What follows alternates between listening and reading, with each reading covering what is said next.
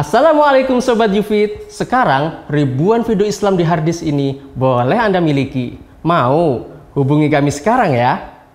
Kami tunggu ya. Bismillahirrahmanirrahim. Assalamualaikum warahmatullahi wabarakatuh. Alhamdulillahi Rabbil Alamin.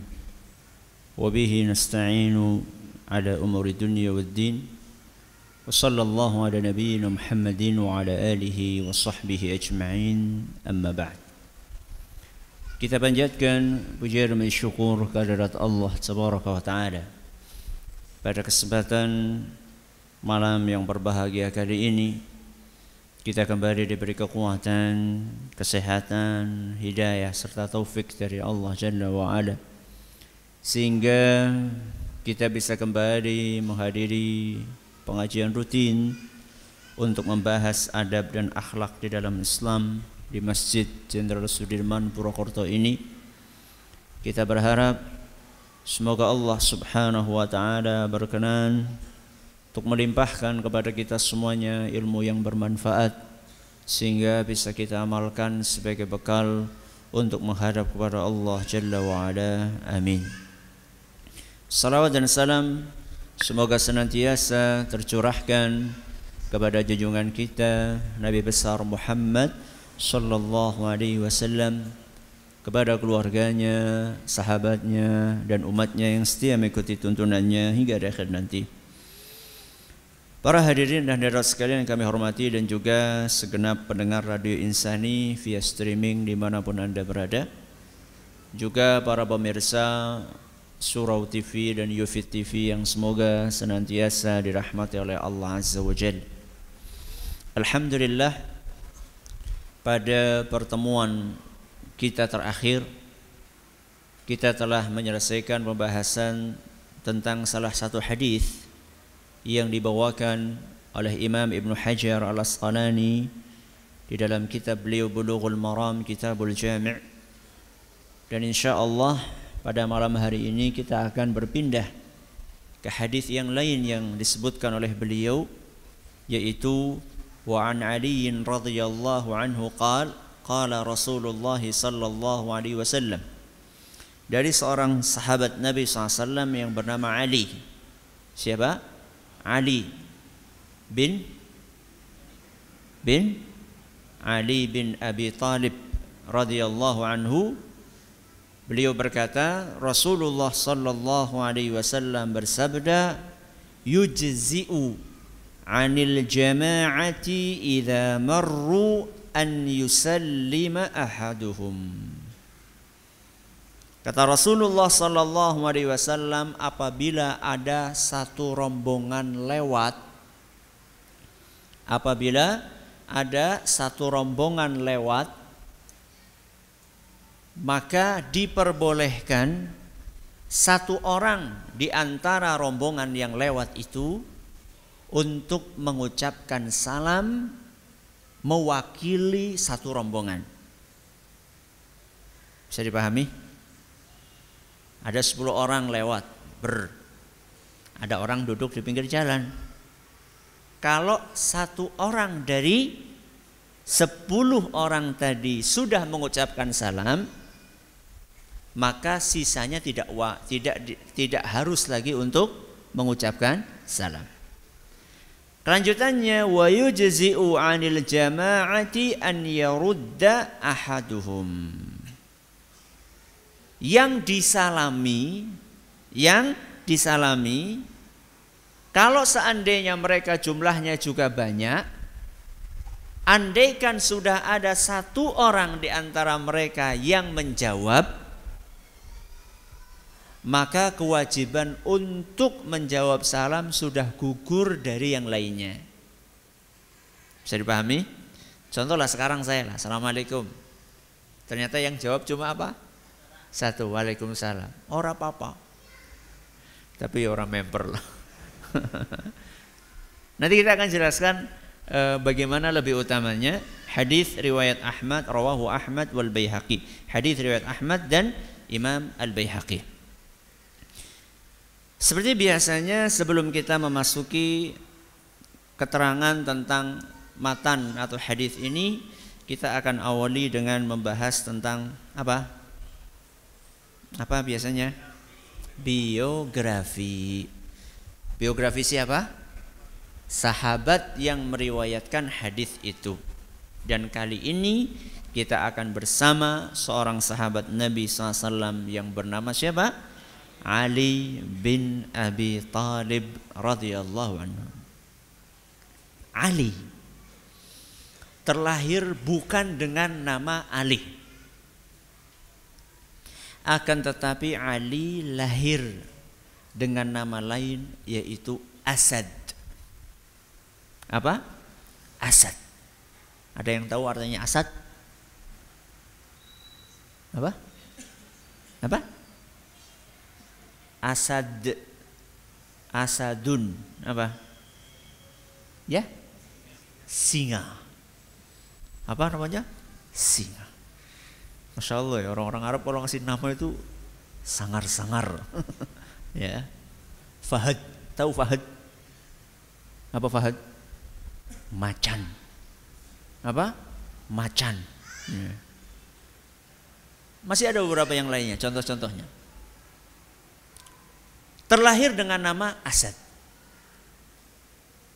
Dan yang ngasih nama itu adalah ibunya.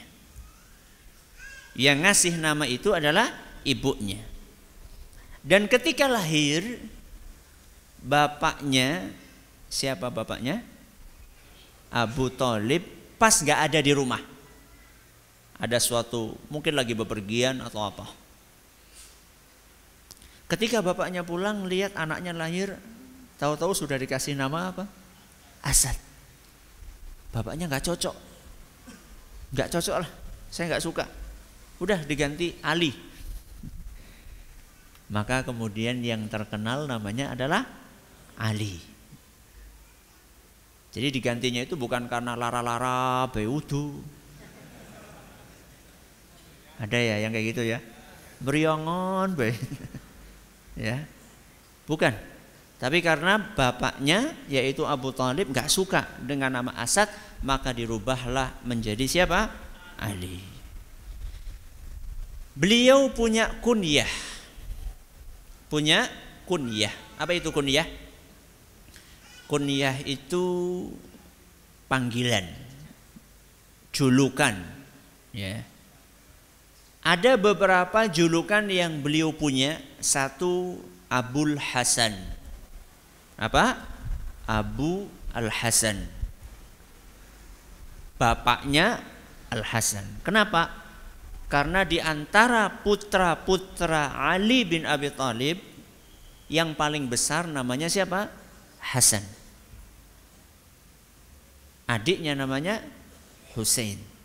Karena yang lebih tua adalah Hasan, maka julukannya Ali adalah Abu Al-Hasan. Beliau juga punya julukan yang lain Abu Turab. Apa? Abu Turab. Turab itu artinya apa? Tanah. Wah, kok bisa? Bapaknya apa? Tanah. Dan yang ngasih julukan itu Rasulullah SAW. Dan Ali senang dengan julukan itu dan beliau suka kalau dipanggil dengan Abu Turab. Kok bisa Rasulullah SAW ngasih nama itu? Ceritanya dalam sebuah hadis yang diriwayatkan oleh Imam Bukhari, pada suatu hari Rasulullah SAW mengunjungi putrinya Fatimah. Siapa? Fatimah. Fatimah itu istrinya siapa? Ali. Istrinya Ali. Sampai di rumah Fatimah, ternyata Ali nggak ada. Suaminya nggak ada. Maka Rasulullah SAW bertanya, mana suamimu? Kata Fatimah dengan jujur mengatakan, wahai Rasul, kana baini wa bainahu syai'un. Barusan ada masalah antara saya dengan dia, wahai Rasul. dan dia marah wahai Rasul.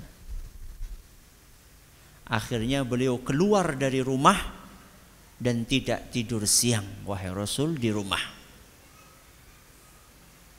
Maka Nabi Shallallahu Alaihi Wasallam minta tolong kepada salah satu di antara seseorang yang ada di situ, tolong carikan di mana Ali. Ternyata nggak lama kemudian orang suruhan Rasul SAW itu pulang. Wahai Rasul, Ali ada di masjid sedang tidur. Sedang apa? Tidur. Insya Allah ya. Kalau ada tukaran suami istri, perginya ke mana? Masjid, masya Allah. Bapak-bapak kayak gitu? Mengendi jocor? Bal-balan. Mau lagi kesu bal-balan, ya gares. Akhirnya ribut, tabrakan kaki malah tambah ruwet. Yang lebih parah pergi ke diskotik. Ya. Ali bin Abi Thalib ada masalah, jengkel beliau, pergi ke masjid, tidur. Masya Allah. Berarti nggak apa-apa usah tidur di masjid. Berapa apa? Aja ngiler. Kecuali kalau sama takbirnya nggak boleh. Kecuali kalau sama takbirnya tidak boleh ya gimana lagi. Maka kemudian Rasulullah SAW pun begitu mendengar Ali ada di masjid, Nabi SAW pun pergi ke masjid. Begitu sampai ke masjid, Nabi ngelihat betul Ali lagi tidur. Dan baju yang dipakai oleh Ali, kalau orang dahulu kan mungkin nggak terlalu seperti sekarang ya bajunya itu dijahit gitu seperti kita sekarang membentuk tubuh enggak mereka sekedarnya kayak orang pakai ihram gitu cuma dia apa selempangkan. Nah, ketika tidur itu bajunya Ali lepas, bajunya salah baju bagian atasnya lepas. Sehingga eh, perutnya bagian sebelah sini itu nempel ke tanah dan tanah nempel di tubuhnya. Itu ceritanya. Kenapa kok Abu Turab?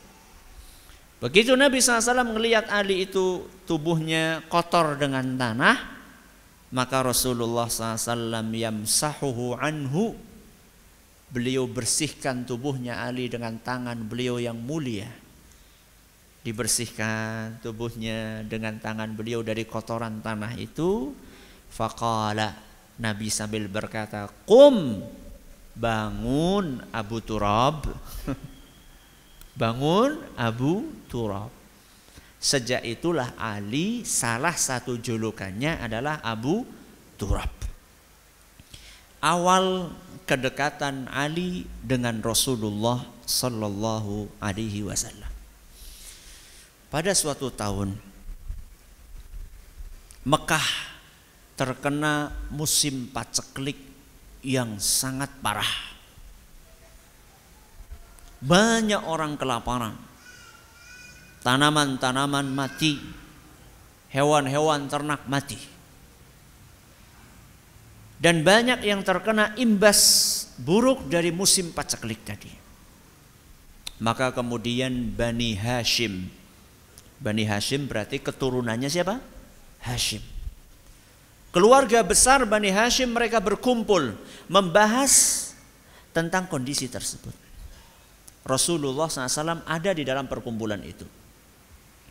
Dan salah satu poin yang mereka bahas di situ adalah bagaimana kita membantu saudara-saudara kita yang kesulitan.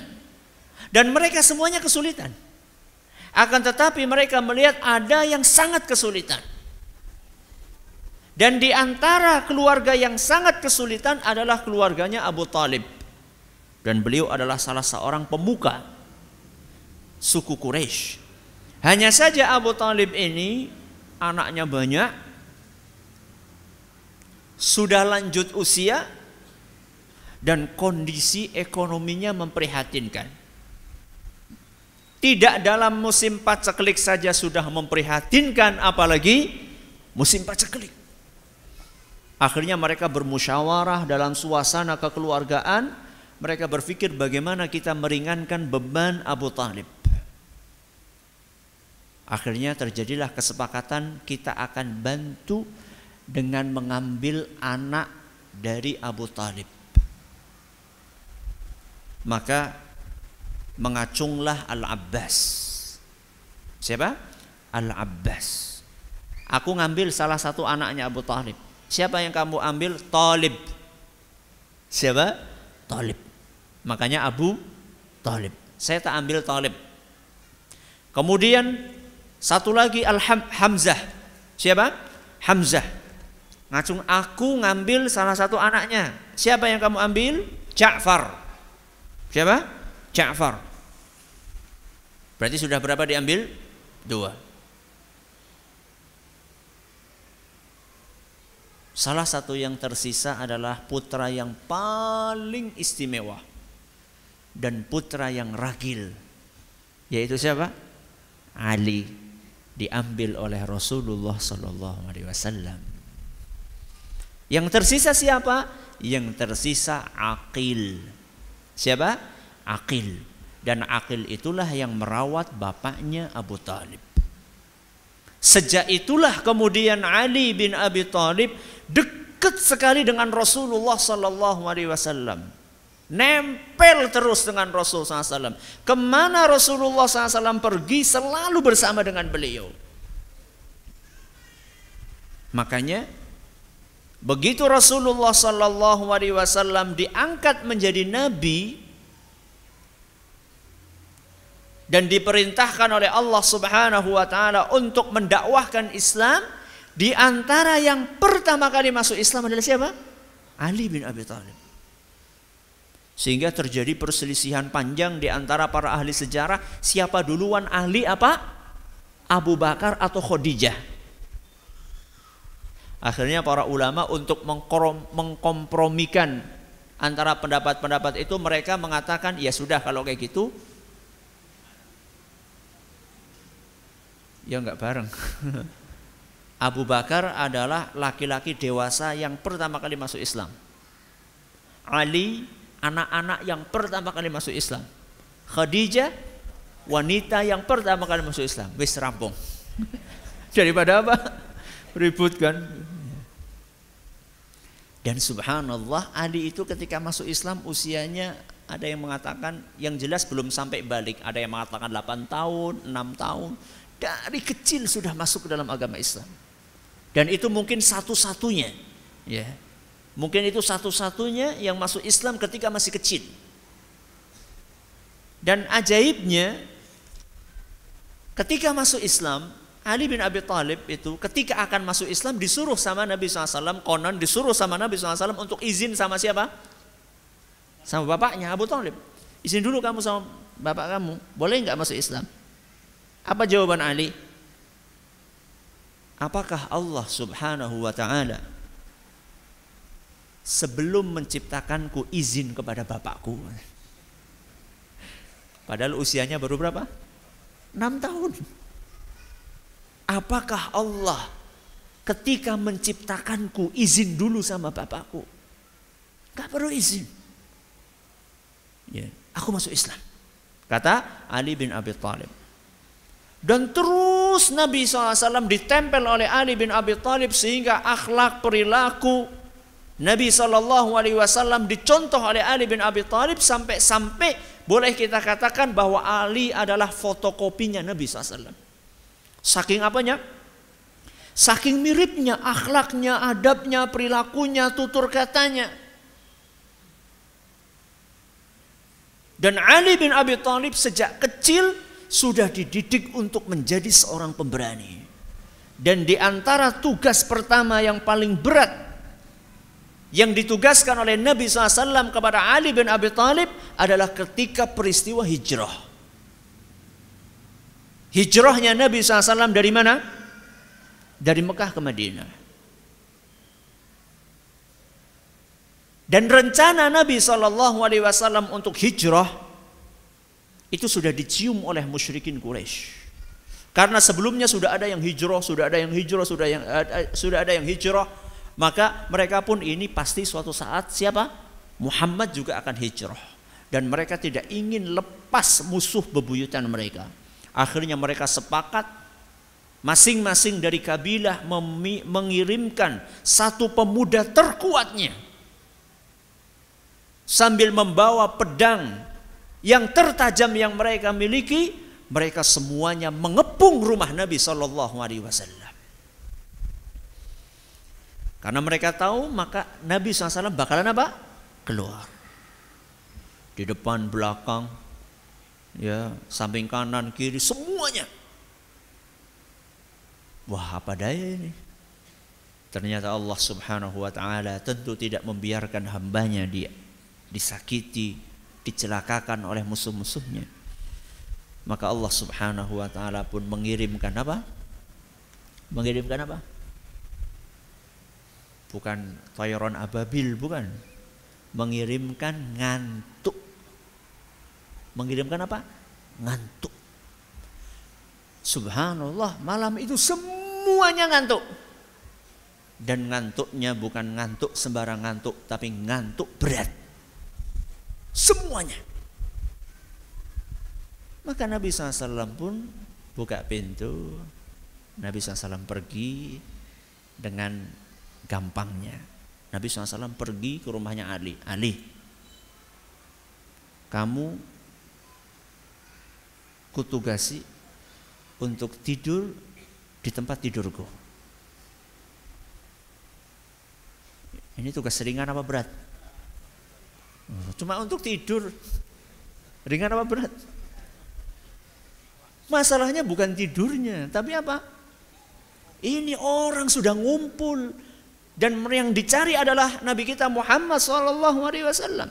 Ali kamu tidur di tempat tidurku pakai selimutku. Selimut yang dipakai oleh Rasul SAW ketika turun wahyu kepada beliau. Subhanallah selimut istimewa pernah dipakai oleh Rasul SAW berkali-kali ketika turun wahyu kepada beliau. Maka tanpa banyak berbicara Ali bin Abi Thalib siap. Ya. Maka beliau pun masuk ke rumah Nabi SAW. Kemudian beliau dengan tenangnya tidur dan betul-betul tidur. Ya. Karena beliau sudah tenang dengan jaminan dari siapa? Rasul SAW. Jadi bukan gelebak, gelebak, gelebak. Engkau kepriwe nek mlebu. Enggak, tidur beneran, tidur. Ya. Kemudian Nabi pun berjalan bersama dengan Abu Bakar menuju ke mana? Ke Madinah. Enggak berapa lama kemudian orang-orang pada bangun. Duh. Maka begitu bangun mereka semuanya masuk ke dalam rumah dan langsung menyingkapkan selimut. Ternyata begitu yang dilihat bukan Nabi kita Muhammad SAW yang dilihat adalah orang lain yaitu Ali bin Abi Thalib. Mereka pun bertanya mana Muhammad? Kata Ali nggak tahu. Nggak tahu. Maka kemudian mereka kecewa dengan kejadian tersebut karena mereka gagal untuk membunuh siapa Nabi kita Muhammad sallallahu alaihi wasallam. Maka kemudian Nabi SAW menuju ke Madinah dan Ali bin Abi Thalib menunaikan tugas yang sudah diperintahkan oleh Nabi SAW yaitu mengembalikan titipan-titipan yang pernah dititipkan orang-orang kepada siapa? Rasul SAW. Sedangkan Nabi SAW pergi ke kota Madinah. Sampai di kota Madinah Nabi kita SAW di antara pekerjaan pertama yang beliau lakukan di Madinah adalah mempersaudarakan antara dua golongan. Siapa? Muhajirin dan Ansar. Muhajirin berarti yang hijrah dari Mekah ke Madinah, sedangkan Ansar adalah orang yang ada di Madinah. Satu persatu Muhajirin A dipersaudarakan dengan Ansar B. Semuanya kecuali Ali bin Abi Thalib. Kecuali siapa? Ali bin Abi Thalib. Maka Ali pun bertanya, "Wahai Rasul, aku sama siapa?" kamu sama aku. Dengan siapa? Rasulullah sallallahu alaihi wasallam. Ali bin Abi Thalib bukan hanya pemberani, tapi beliau adalah seorang yang terkenal kuat fisiknya. Dan di antara hal yang menunjukkan kekuatan fisik Ali adalah sebuah kejadian yang terjadi di perang namanya perang Khaybar. Perang apa? Khaybar. Ada yang tahu musuhnya kaum muslimin saat itu siapa? Siapa? Ya Allah. Perang Mahabharata ngerti? Oh, jangan-jangan ngerti perang Mahabharata. Panglimanya siapa, musuhnya siapa. Ya Allah. Perang Khaybar, siapa musuh kaum muslimin? Siapa? Orang? Bukan. Orang? Yahudi, bagus. Siapa? Orang Yahudi. Dan orang Yahudi di Khaybar itu punya benteng-benteng yang sangat kuat.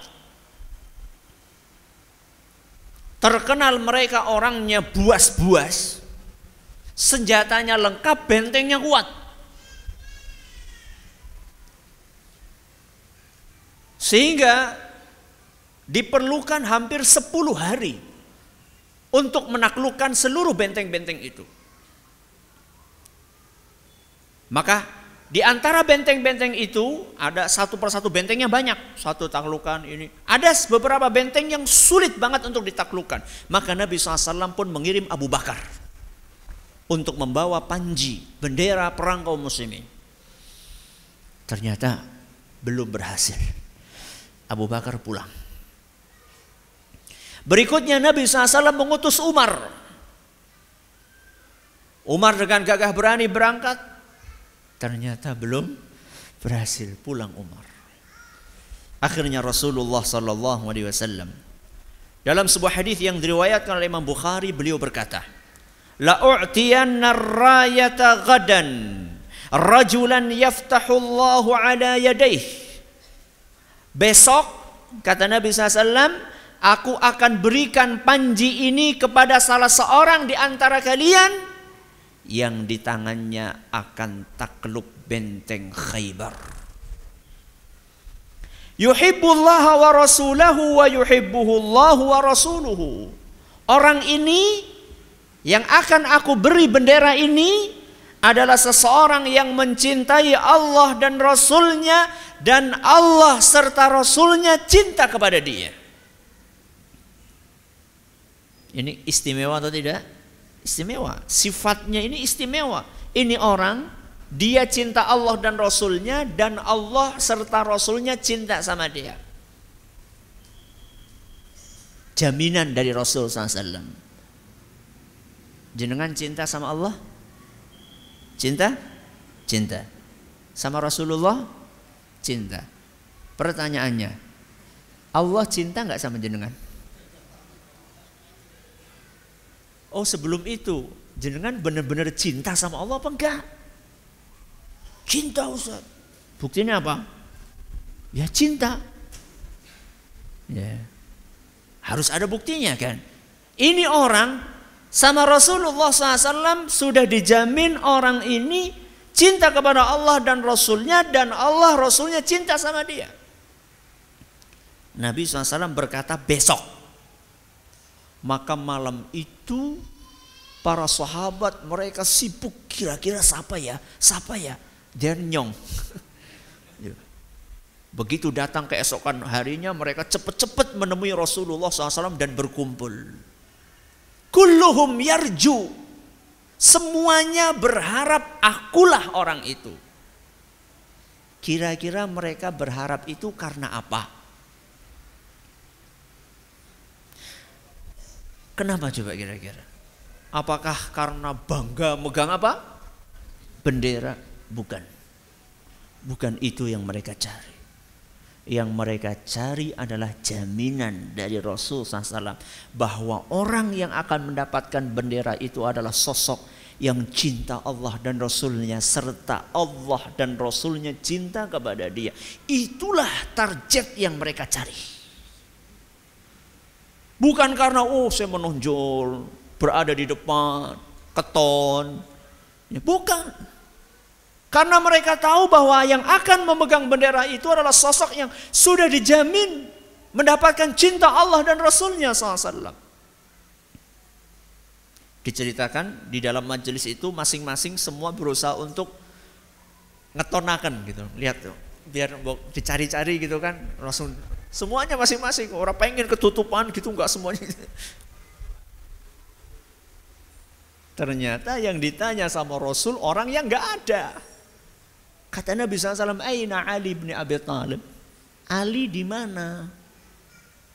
Nggak ada Ali. Maka mereka mengatakan yashtaki ainaihi ya Rasulullah. Rasul Ali lagi sakit mata. Lagi sakit mata. Dan tentunya sakit matanya bukan sembarangan ya. Ya, sakit mata yang parah. Karena kalibernya kaliber siapa? Ali bin Abi Thalib. Bukan sembarang sakit. Sampai nggak datang berarti kan sakit yang parah. Maka Nabi SAW mengatakan panggil. Dipanggil sama Nabi SAW. Datang langsung diobati sama Nabi SAW. Di rukyah matanya. Sembuh. Seakan-akan tidak sakit sama sekali. Mak tuing gitu bahasanya ya bahasa kita. Tahu-tahu langsung sembuh total. Langsung dikasih bendera itu oleh siapa? Oleh Nabi Shallallahu Alaihi Wasallam. Kemudian ketika berangkat Nabi SAW berpesan unfud ala rislika hatta tanzila bisahatihim. Ali berjalanlah menuju benteng itu dengan tenang. Dengan apa? Tenang. Pelan tapi pasti, bukan lemes, tenang. Ya. Sampai engkau berada di depan benteng itu. Thummad'uhum ilal islami. Kemudian ajak mereka untuk masuk ke dalam agama Islam.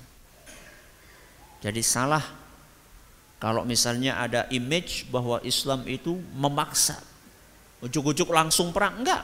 Ajak dulu mereka untuk masuk Islam. Wa akhbirhum bima yajibu alaihim dan kabarkan kepada mereka apa kewajiban yang harus mereka tunaikan.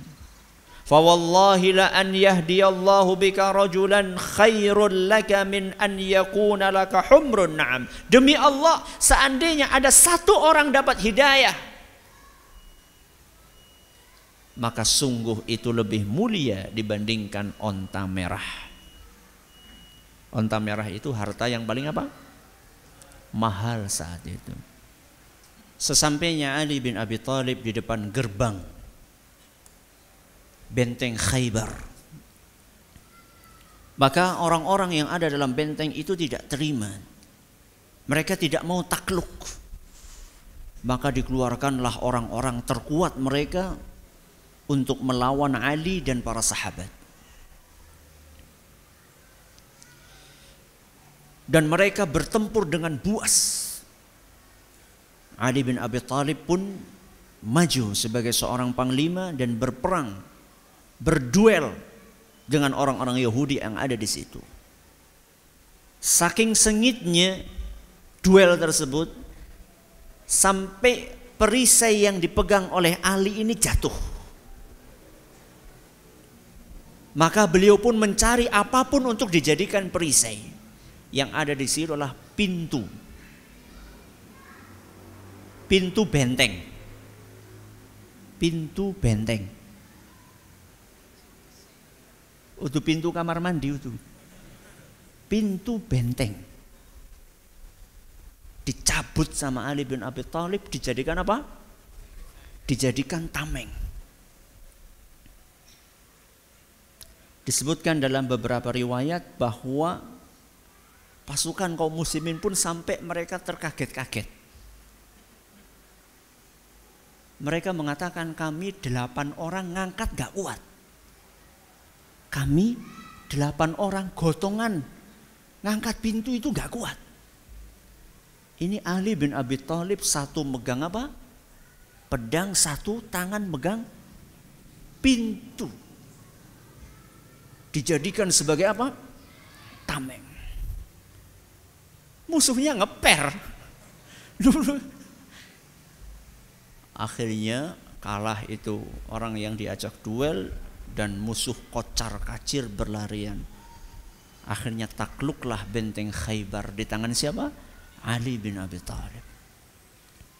Beliau bukan hanya terkenal sebagai seorang yang pemberani dan kuat, tapi beliau terkenal dengan seorang yang sangat sederhana sekalipun beliau sudah menjadi khalifah.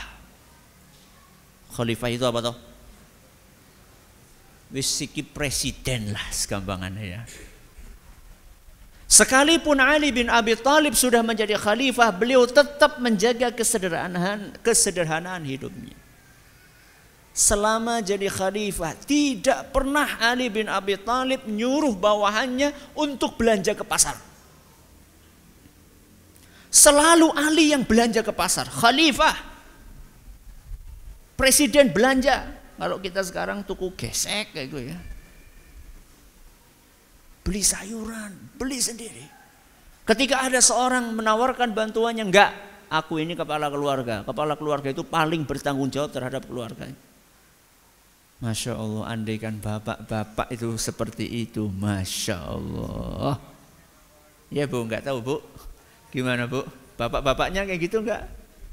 Ya. Belanja ke pasar. Enggak cangcung, cangcung. Enggak. Pernah suatu hari istri dan anak-anak Ali kelaparan. Gak punya duit, khalifah. Gak punya duit. Akhirnya Ali pun mengambil pedangnya. Kemudian beliau pergi ke pasar.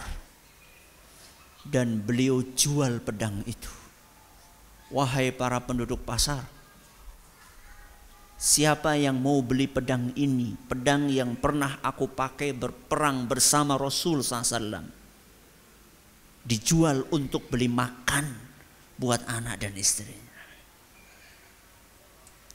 Dan beliau pakaiannya, masya Allah, tembelan di sana, di sini, jahitan banyak sekali di bajunya Ali bin Abi Thalib. Pernah suatu saat Ali dapat rizki untuk dibagikan kepada kaum muslimin. Rizki itu berupa keju dan madu. Makanan istimewa. Keju dan madu. Ketika tengah-tengah bagi kepada kaum muslimin, tahu-tahu salah satu dari putri beliau yang bernama Ummu Kulthum ngambil anak kecil. Ngambil maka langsung Ali bin Abi Thalib memanggil bawahannya, eh, eh tolong itu ditimbang berapa? Madu dan keju yang diambil oleh putriku itu coba tolong ditimbang. Setelah ditimbang berapa harganya? 5 dirham. Bayar. Bayar. Karena Ali bin Abi Thalib tidak pernah mau makan harta kaum muslimin. Tidak mentang-mentang jadi apa? pejabat. Beliau menjaga betul makanan yang masuk ke dalam perut dirinya dan keluarganya. Walaupun sebenarnya halal karena putrinya adalah kaum muslimin. Dan itu dibagikan kepada kaum muslimin tapi karena sederhananya, zuhudnya Ali bin Abi Thalib maka beliau pun menjaga sekali makanan yang masuk ke dalam perutnya dan perut keluarganya. Beliau wafat ditikam oleh seorang yang bernama Ibnu Muljam. Siapa? Ibnu Muljam. Dan wafatnya sangat indah. Ketika Ali keluar dari rumahnya akan pergi subuhan. Bayangkan, akan sholat apa? Subuh. Dan yang membunuh itu merasa bahwa dengan membunuh Ali mendapatkan pahala yang sangat tinggi di sisi Allah Subhanahu wa taala. Dia merasa dengan membunuh Ali dia mendapatkan pahala yang sangat tinggi di sisi Allah. Dia adalah salah satu di antara pengikut sekte Khawarij. Apa? Sekte namanya apa? Khawarij yang kerjaannya suka mengkafirkan kaum muslimin, membunuh mereka, memerangi kaum muslimin. Ini ringkasan dari cerita tentang siapa? Ali bin Abi Thalib. Karena kalau cerita tentang Ali bin Abi Thalib, kata para ulama tidak ada tidak ada manakib sahabat sebanyak manakibnya Ali. Manakib itu apa tuh? keistimewaan hadis-hadis Rasul tentang Ali. Ya. Kata para ulama, tidak ada hadis-hadis asar-asar yang membicarakan tentang ismen sahabat melebihi banyaknya apa? Keistimewaannya Ali bin Abi Thalib. Saya di rumah ada beberapa buku ya, mulai dari ulama dahulu sampai ulama sekarang. Ada satu buku, bu, tapi bukan ini. Kira-kira tebalnya segini. Kira-kira bukan ini. Tebalnya segini kira-kira. Isinya cuma menyebutkan apa? tentang Ali bin Abi Thalib, keistimewaannya, kemuliaannya dan seterusnya. Maka apa yang tadi saya sampaikan ya hanya se apa ya? Hanya seujung kuku. Ya, hanya seujung kuku tentang Ali bin Abi Thalib radhiyallahu anhu. Tadi dijelaskan bahwa Ali bin Abi Thalib sudah diajarkan menjadi pemberani dari kecil. Ajaran apa yang diajarkan oleh Rasulullah SAW sehingga Ali menjadi pemberani yang paling pertama adalah ngelihat Rasul SAW sebagai seorang pemberani. Bagaimana mungkin seorang bapak mencetak anaknya menjadi pemberani kalau bapaknya penakut? Liwat kuburan Berawani. Bagaimana anaknya akan jadi apa? Pemberani. Rasulullah SAW orang yang sangat pemberani. Pernah suatu saat di kota Madinah, malam-malam gelap gulita, hujan lebat, suasana dingin. Tahu-tahu terdengar suara keras sekali. Sudah gelap dingin terdengar suara keras. Maka mereka kan siapa ya sing metu ya? Siapa sing metu? Untuk melihat itu suara apa? Akhirnya karena mereka khawatir dengan keselamatan penduduk Madinah, akhirnya mereka ya kita rombongan lah keluar. Begitu mereka keluar, Rasulullah SAW sudah pulang naik kuda, nggak ada apa-apa kata Rasul. Mereka baru keluar, Rasulullah sudah apa? Pulang. Pemberani Rasulullah SAW. Kalau masih ada di antara jamaah sekalian mengkamar mandi wengi dewek kan orang wani. Padahal kamar mandinya neng jero rumah kue kebangetan. Itu nggak mungkin punya anak pemberani kalau kayak gitu. Ya. Jadi jadi orang tua yang pemberani. Insya Allah anak pun akan nuruni. Insya Allah. In, insya Allah. Buah itu kalau jatuh tidak akan jauh-jauh dari pohonnya. Kecuali kalau buah itu dibawa kampret. Ya. Artinya apa? Artinya anak itu ya cerminan orang tuanya, kecuali dalam kondisi-kondisi tertentu. Mudah-mudahan bermanfaat. Terima kasih atas perhatiannya. Mohon atas segala kurangannya. Kita tutup dengan membaca Subhanakallahumma bihamdika asyhadu an la ilaha illa anta astaghfiruka wa atubu ilaik. Assalamualaikum warahmatullahi wabarakatuh.